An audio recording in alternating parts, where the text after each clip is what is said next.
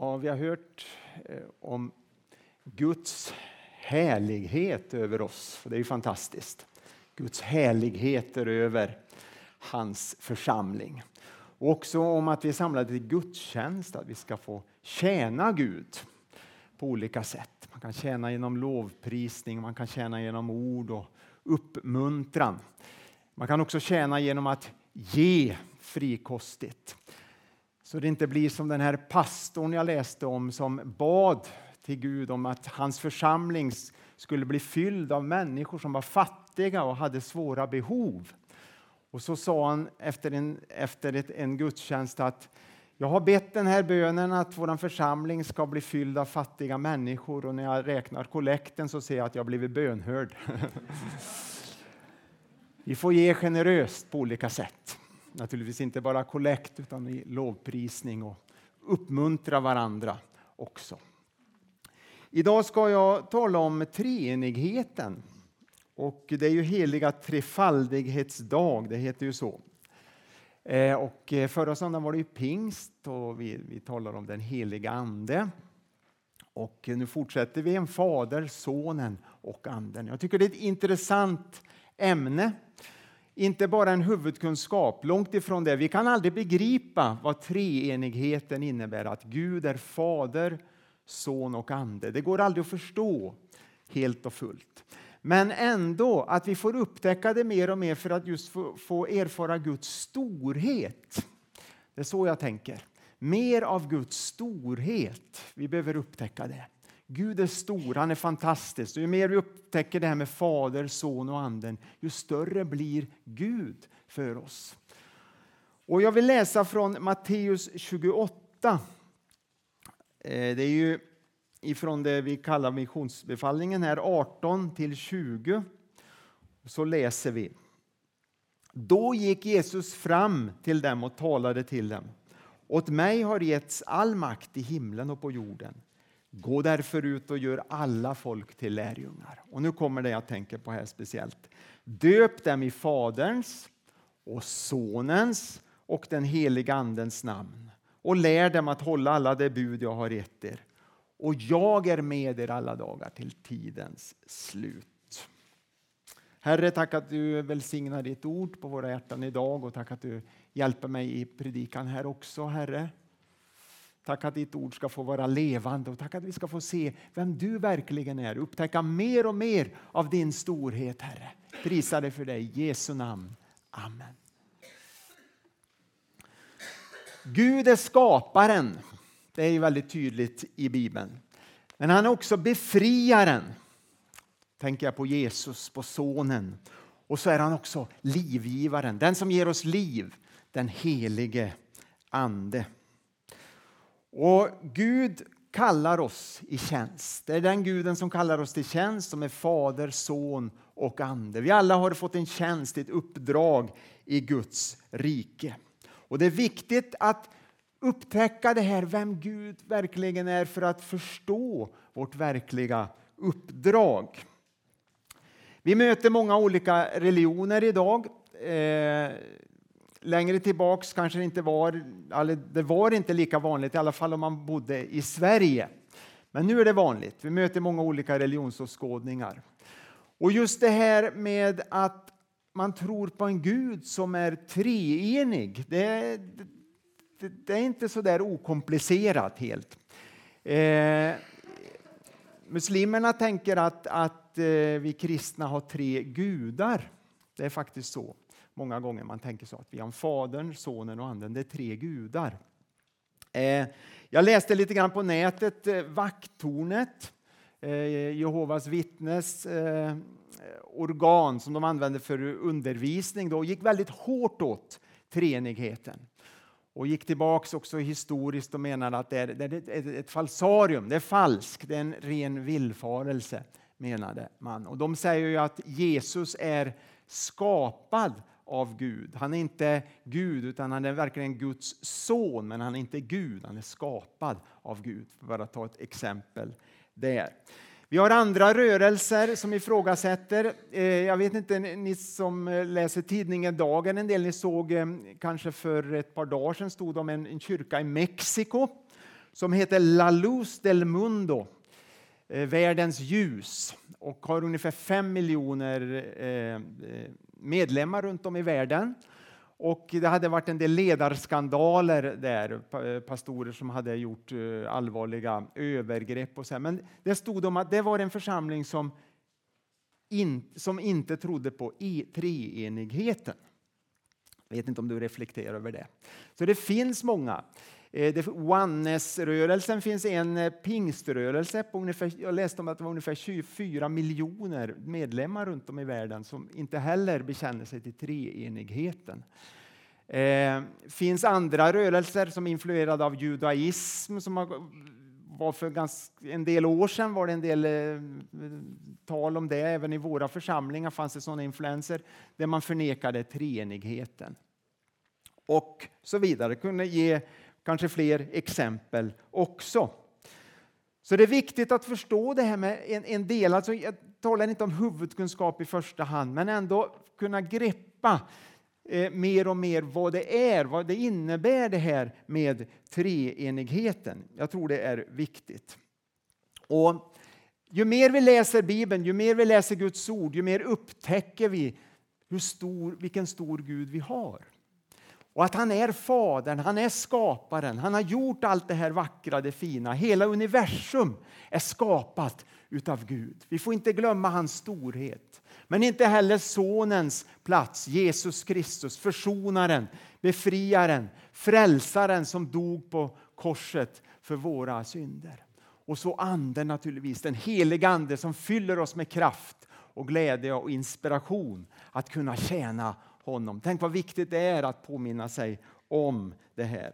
Det är så lätt att man glömmer fort. Det har inte i första hand med ålder, även om det påverkar också. Vi glömmer mer och mer. Men jag märker att människan i allmänhet har lätt för att glömma vad Gud har gjort. Och Det ser man också i Israels folk. Ständigt glömde de bort Gud fick hela tiden påminna sig. Så är det i mitt liv och jag är säker att det är så i ditt liv också. Så vi behöver återgå till Guds ord, läsa mycket Bibeln i bön och genom den heliga, Andes ledning upptäcka mer och mer vem Gud är. Martin Luther, reformatorn, han sa så här att man ska inte diskutera om hur det kan vara så att Gud vara så att Gud Fader, Son och helig Ande är en enda Gud, sa han, ty detta är obegripligt. Han bekände sig till det, absolut. Men han menar att försöker man för mycket med huvudkunskap sätta sig in i det, då går man vet. För det är ett mysterium. Det är ett mysterium att Gud är Fader, Son och Ande, men ändå en. Och Det här ska vi jag trycka på här. För de första kristna så var det väl ganska självklart på ett vis men samtidigt en svår fråga och det finns splittringar i kyrkohistorien. Det fanns en eh, kyrkofader som hette Tertullianus. Han, han eh, myntade det här begreppet, ett väsen, tre personer. Ett väsen, tre personer. Och ungefär 150 år senare så slog man fast på ett kyrkomöte i Nicea att det måste vara så här att Gud har uppenbarat sig som fader, son och ande. Fadern är Gud, sonen är Gud, men det finns bara en Gud. Det slog man fast. Och Det är det vi bekänner oss till idag. Det är det vi tror på. Det är lite svårt att få in i vårt huvud, men det, det visar på Guds storhet hur fantastisk Gud är. Det berättas om en pappa som var pastor. Han försökte förklara det här för sin son. Hans son gick på eh, barntimmar i kyrkan och han hade fått höra om det här att Gud är en men ändå tre. Och han hade svårt att få ihop det här så pappa försökte förklara så gott han kunde för att hjälpa honom. Så han sa att se på mig.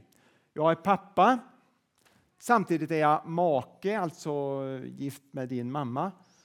Och sen är jag också en man, men jag är ändå en person. Och pojken han tittar storögt på pappa. Han, han verkar lite förundrad sådär och pappa frågar förstår du vad jag säger eller är det, är det svårt att, att, att begripa det? Visst, han, jag förstår, men tror du Gud vet om det här? Så ibland när vi försöker förklara så blir det lite krångligt. Men jag tror ändå vi ska... Eh, alltså, Gud vill ändå uppenbara den här sanningen för oss. Det vill han göra. Men mer, mer så att det förvandlar våra liv och vi ser just vilken stor och fantastisk Gud vi har. Bibeln talar om att Gud är en. Det är ju väldigt, väldigt tydligt. Gamla testamentet är väldigt tydligt med det. Och I femte Moseboken 4.35 så står det så här att Herren är Gud. Det finns ingen annan än han. Och I femte Moseboken 6 och 4 så står det så här. Hör Israel, Herren vår Gud, Herren är en. Herren är en. Det var absolut en absolut sanning bland judarna. Det är också bland eh, muslimerna, att Gud är en. Men det är det också för den kristna kyrkan. Jesus höll absolut fast vid det här när han undervisade när han gick på jorden. Och han var ju Gud själv. Så han visste ju det här naturligtvis. Gud är en och det var så han undervisade. Och det var liksom alldeles självklart för honom. Men på grund av att han samtidigt sa att han själv var Gud så blev det en gigantisk krock med de judiska ledarna och lärarna.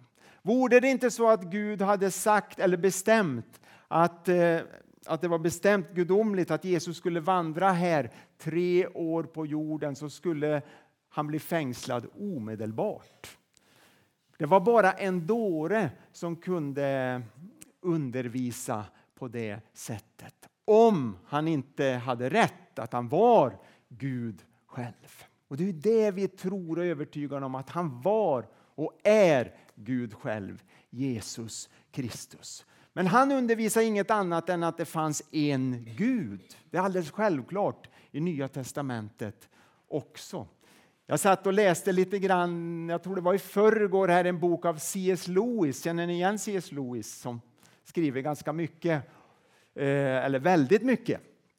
Han har väldigt mycket om det här försvar för kristen tro. Och intressant, ibland är han väldigt djuplodande så man får verkligen tänka till när man läser. Men han hade ett kapitel i den här boken som, som handlar just om det här Jesus som Gud. Var Jesus den han sa sig vara? Och jag måste faktiskt säga att när man läser ett sånt kapitel eh, och när han skriver så blir man alldeles överväldigad vilka, vad träffsäkert han skriver och man blir alldeles så här förundrad över hur rätt Jesus hade.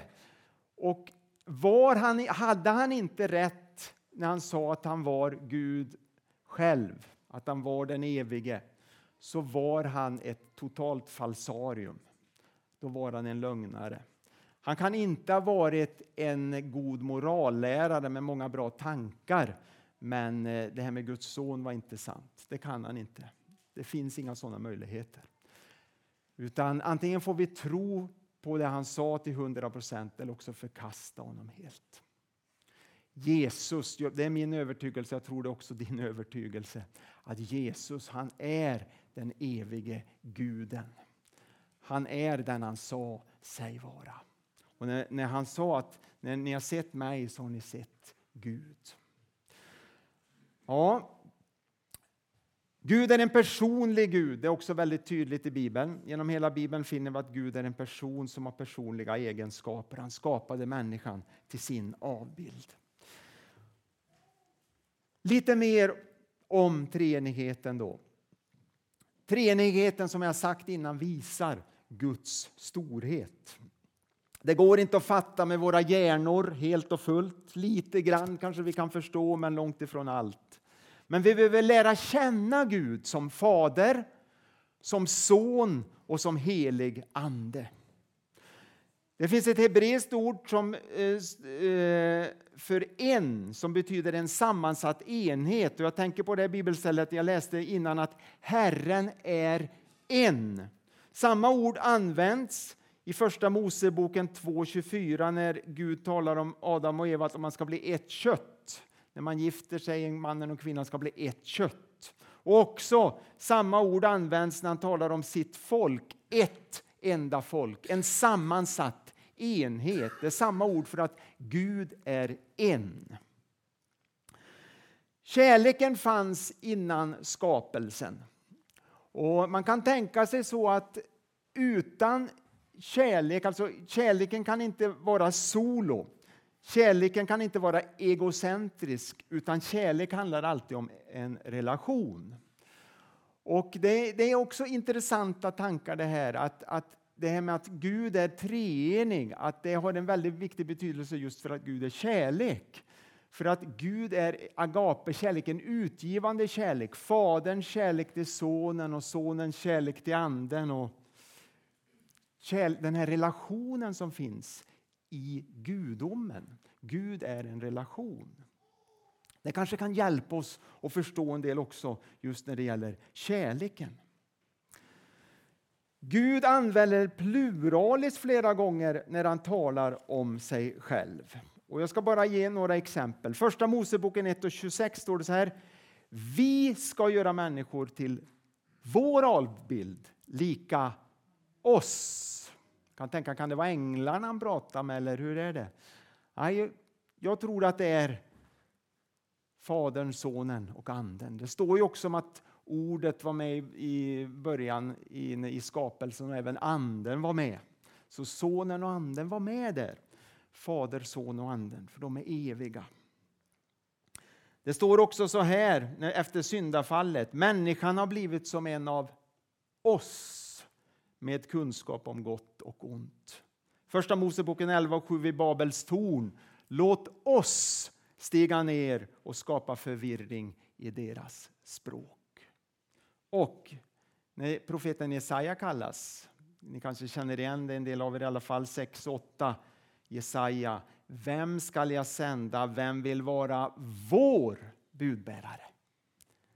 Treenigheten, Fadern, Sonen och Anden. Det är väldigt tydligt. Det framkommer väldigt tydligt här. Däremot så är det ju sant som kritiker menar då att ordet treenighet inte står i Bibeln. Det är, det är förvisso sant. Men otroligt många bibelställen pekar på att Gud är tre men ändå en. En del verser står Gud omnämnd som två skilda personer också. Hosea 1 och 7, det är Gud som talar. Lägg märke till det, det är Gud som talar nu. Men Judas folk skall jag förbarma mig över, jag skall rädda dem genom Herren, deras Gud. Det är Gud. Ganska intressant. Och så, klassiskt ord, första, eller Johannes 1 och 1. I begynnelsen fanns ordet, ordet fanns hos Gud och ordet var Gud. Mm. Vi tror på en Gud. Vi tror också att gudomen innefattar tre personer. Fadern, Sonen, den helige Ande. Vi tror inte som kristna att Gud har uppenbarat sig i olika former vid olika tidpunkter. Det här är också en viktig sak. Till exempel att det var Fadern som verkade i skapelsen, det var Sonen som verkade i försoningen och Anden efter Jesu himmelfärd, alltså från pingsten och framåt. Nej, vi tror att alla tre personerna alltid har existerat och alltid kommer att existera samtidigt. Fader, Sonen och Anden, det är Gud likvärdigt. Det är Gud från evighet till evighet. Jag har ett par bilder också. Vi går in i avslutningen nu av predikan. Jag vill bara visa om vi kan få fram dem här. Har ni sett de bilderna förr? Eller? Har ni jobbat med NFU? Eh, det är liksom det är med naturlig församlingsutveckling. Jag vet att Lugnås har jobbat med det lite, det är möjligt att Jo har gjort det tidigare också. Det här är lite fortsättning på den Eh, Eh, kursen eller utbildningen. Men eh, det är lite fascinerande sådär och det kan hjälpa oss att förstå. Vem är Gud eller hur är Gud? Och då menar eh, Schwartz som har skrivit det här materialet, han har lyft fram det här exemplet på att man kan tänka sig Gud i olika färger. Att Fadern det är den gröna skapelsen, så skriver han kroppen, världen. Man tänker det Gud har gjort, det pekar på, på Fadern. Och då kan vi tänka den gröna färgen. Och så kan vi tänka sonen, Jesus, den röda. Det passar ju väldigt bra. Jag tänker på Jesu blod på korset. Påsken. Sen skriver själen och Kristus. Och så anden, pingsten. Anden, kyrkan. Jag tycker det är en bild som kan hjälpa oss lite grann. Eh, det finns också lite tankar, jag tror inte man kan dra det helt fullt ut, men man kan tänka att olika kyrkoinriktningar har genom historien och även idag betonat olika sidor av Gud. Var skulle då pingst, pingstvänner hamna någonstans? Ja, att man har betonat den blå färgen väldigt mycket. Eh, man kan tänka att eh, det här är väldigt generaliserande. Till en viss del kanske inom Svenska kyrkan betonar väldigt mycket den gröna färgen med skapelsen och att vårda skapelsen och så vidare. Eh, eh baptistisk kristendom menar man, jag har hört en annan säga, en, en baptistpastor talar mycket om det att den röda färgen i alla fall tillbaks. Det var väldigt mycket om korset och försoningen och så här. Allt det här finns ju hos oss också, naturligtvis, de karismatiska församlingarna. Men ni förstår lite grann, det är eh, lite poängen här. Det är intressant att se att man betonar olika sidor hos Gud. Men allt är ju lika sant och lika verkligt. Så att man kan bli lite ensidig om man överbetonar vissa områden. Jag vet att Levi Petrus han eh, upplevde ju den heliga anden, han var ju baptistpastor, fick uppleva anden i sitt liv. Och han blev så fascinerad av det här. Och han var ju med i en väckelsetid. Och han predikade väldigt mycket eh, om frälsning och, och, och, och, så här. Och han började tala mer och mer om anden och andens gåvor. Och han skriver i en av sina böcker att han märkte efter ett tag att det mattas av. Han såg färre under, han såg färre människor avgöra sig för Gud. Varför var det så? Och då påminde den helige Ande påminde honom om att han behövde predika mera Jesus. Han predikade för mycket bara om den helige Ande.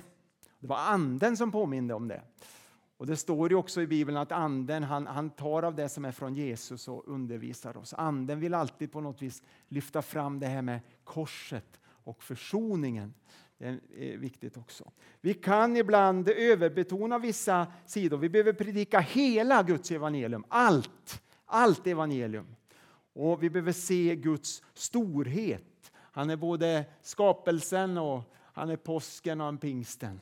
Allting är Gud. Och den här Tertullianus, den kyrkofadern jag citerade innan, han sa så här också som en bild på Gud att solen kan, skulle kunna hjälpa oss att förstå lite grann att solen är som Fadern, solstrålarna som Sonen och närvaron av ljuset och värmen, det är Anden. Det är olika bilder som kan hjälpa oss. Det finns väldigt moderna bilder man använder ibland i konfagrupper och ungdomsgrupper. Jag har använt dem ibland, men de är väldigt, väldigt bristfälliga. Det här med vatten till exempel, fast form, flytande form och ånga. Men det är vatten alltihop, H2O, men det uppenbaras i tre olika former. Triangeln som har tre sidor. Eh, gitarr kan du ta, eller piano eller instrument du tar ett ackord. En ton är, eh, kan ju vara fint, men ett ackord blir fylligare på ett annat sätt. Det kan också visa på att en Gud, men ändå tre. Det står så här i Johannes 14 och 16. Jag skall be Fadern och han skall ge er en annan hjälpare som skall vara hos er för alltid. Jesus, Sonen, ber Fadern om hjälparen, Anden. Där har du det, treenigheten också. Och i Markus 1, 10-11 står det om när Jesus döptes. Vem sänkte sig över Jesus när han stod eller i vattnet där? Duvan, Anden. Och så kom rösten från himlen, Faderns röst. Ja, där har du det igen. En bild till som visar det här med balansen. En sund gudsbild. Skaparen, Anden, Jesus. Det är en sund gudsbild. Vi behöver lära oss helheten av vem Gud är. Upptäcka helheten, hur stor och fantastisk Gud är. Så, till sist. I Fadern ser vi Guds storhet. Skaparen, han som ville mitt liv, alla människors liv. Han vill att jag ska vara med och utbreda hans rike. Han som har skapat hela universum och hela den här världen. Han har också skapat dig och mig. Det är ju helt fantastiskt. Gud som är så stor. Vi behöver mer upptäcka Guds storhet, Fadern. Men också Sonen, och i Sonen Jesus Kristus ser vi Guds kärlek. Vi ser försoningen, vi ser befrielsen. Vi ser i Jesus vem Gud är och Jesus säger ju det att, att han har kommit för att visa vem Gud är. Har du funderingar på vem Gud är? Ibland kan man ha svårt för att förstå. Ibland läser man Gamla testamentet och har svårt att greppa vem Gud är. Men läs om Jesus, då lär du känna vem Gud verkligen är. Han har visat vem Gud är. Sån som Jesus var, exakt sån är Fadern, Anden. Sån är Gud. Jesus har visat vem Gud är. Och Anden, det ser vi själva livet och kraften. Och Det är liksom erfarenheten av Gud i våra liv. Anden kom, hjälparen på pingstdagen och anden han är kvar, han bor i oss, han bor i våra hjärtan. När du öppnar dig för Jesus Kristus, tar emot honom till frälsning, då tar Gud sin boning i dig och du blir en ny skapelse i Jesus Kristus. Helt fantastiskt budskap. Det är svårt att föreställa sig att universums skapare bor i dig och mig genom sin helige Ande. Det finns mycket att upptäcka om Guds storhet. Och Det här med treenigheten det hjälper oss att förstå lite mer. Och Vi får tränga in i det steg för steg och se vilken Gud vi har. Han är en. Gud är en. Men ändå tre. Men han är en, absolut en. Amen. Tack Jesus för ditt ord, ditt levande ord och tack att vi har fått påminna oss om vem du är och vad ditt ord säger, Herre. Tack att vi ska få lära känna dig mer och mer, Herre. För varje dag att vi ska få tränga djupare och få en större förståelse, Herre. Första hand erfarenhetsmässigt, att vi får lära känna dig och fördjupa vår relation till dig, Herre. Tack att du vill föröka vår tro på dig. Vi prisar dig för det, Gud. Hjälp oss, Herre. Tack att du är skaparen, tack att du är våran far, tack att du har omsorg om oss. Vi prisar dig för det. Tack att du är befriaren, du är försonaren, du är frälsaren, vår enda frälsare. Tack också för din heliga Ande och kraften i din Ande, Herre. Vi prisar dig för det. I Jesu namn. Amen.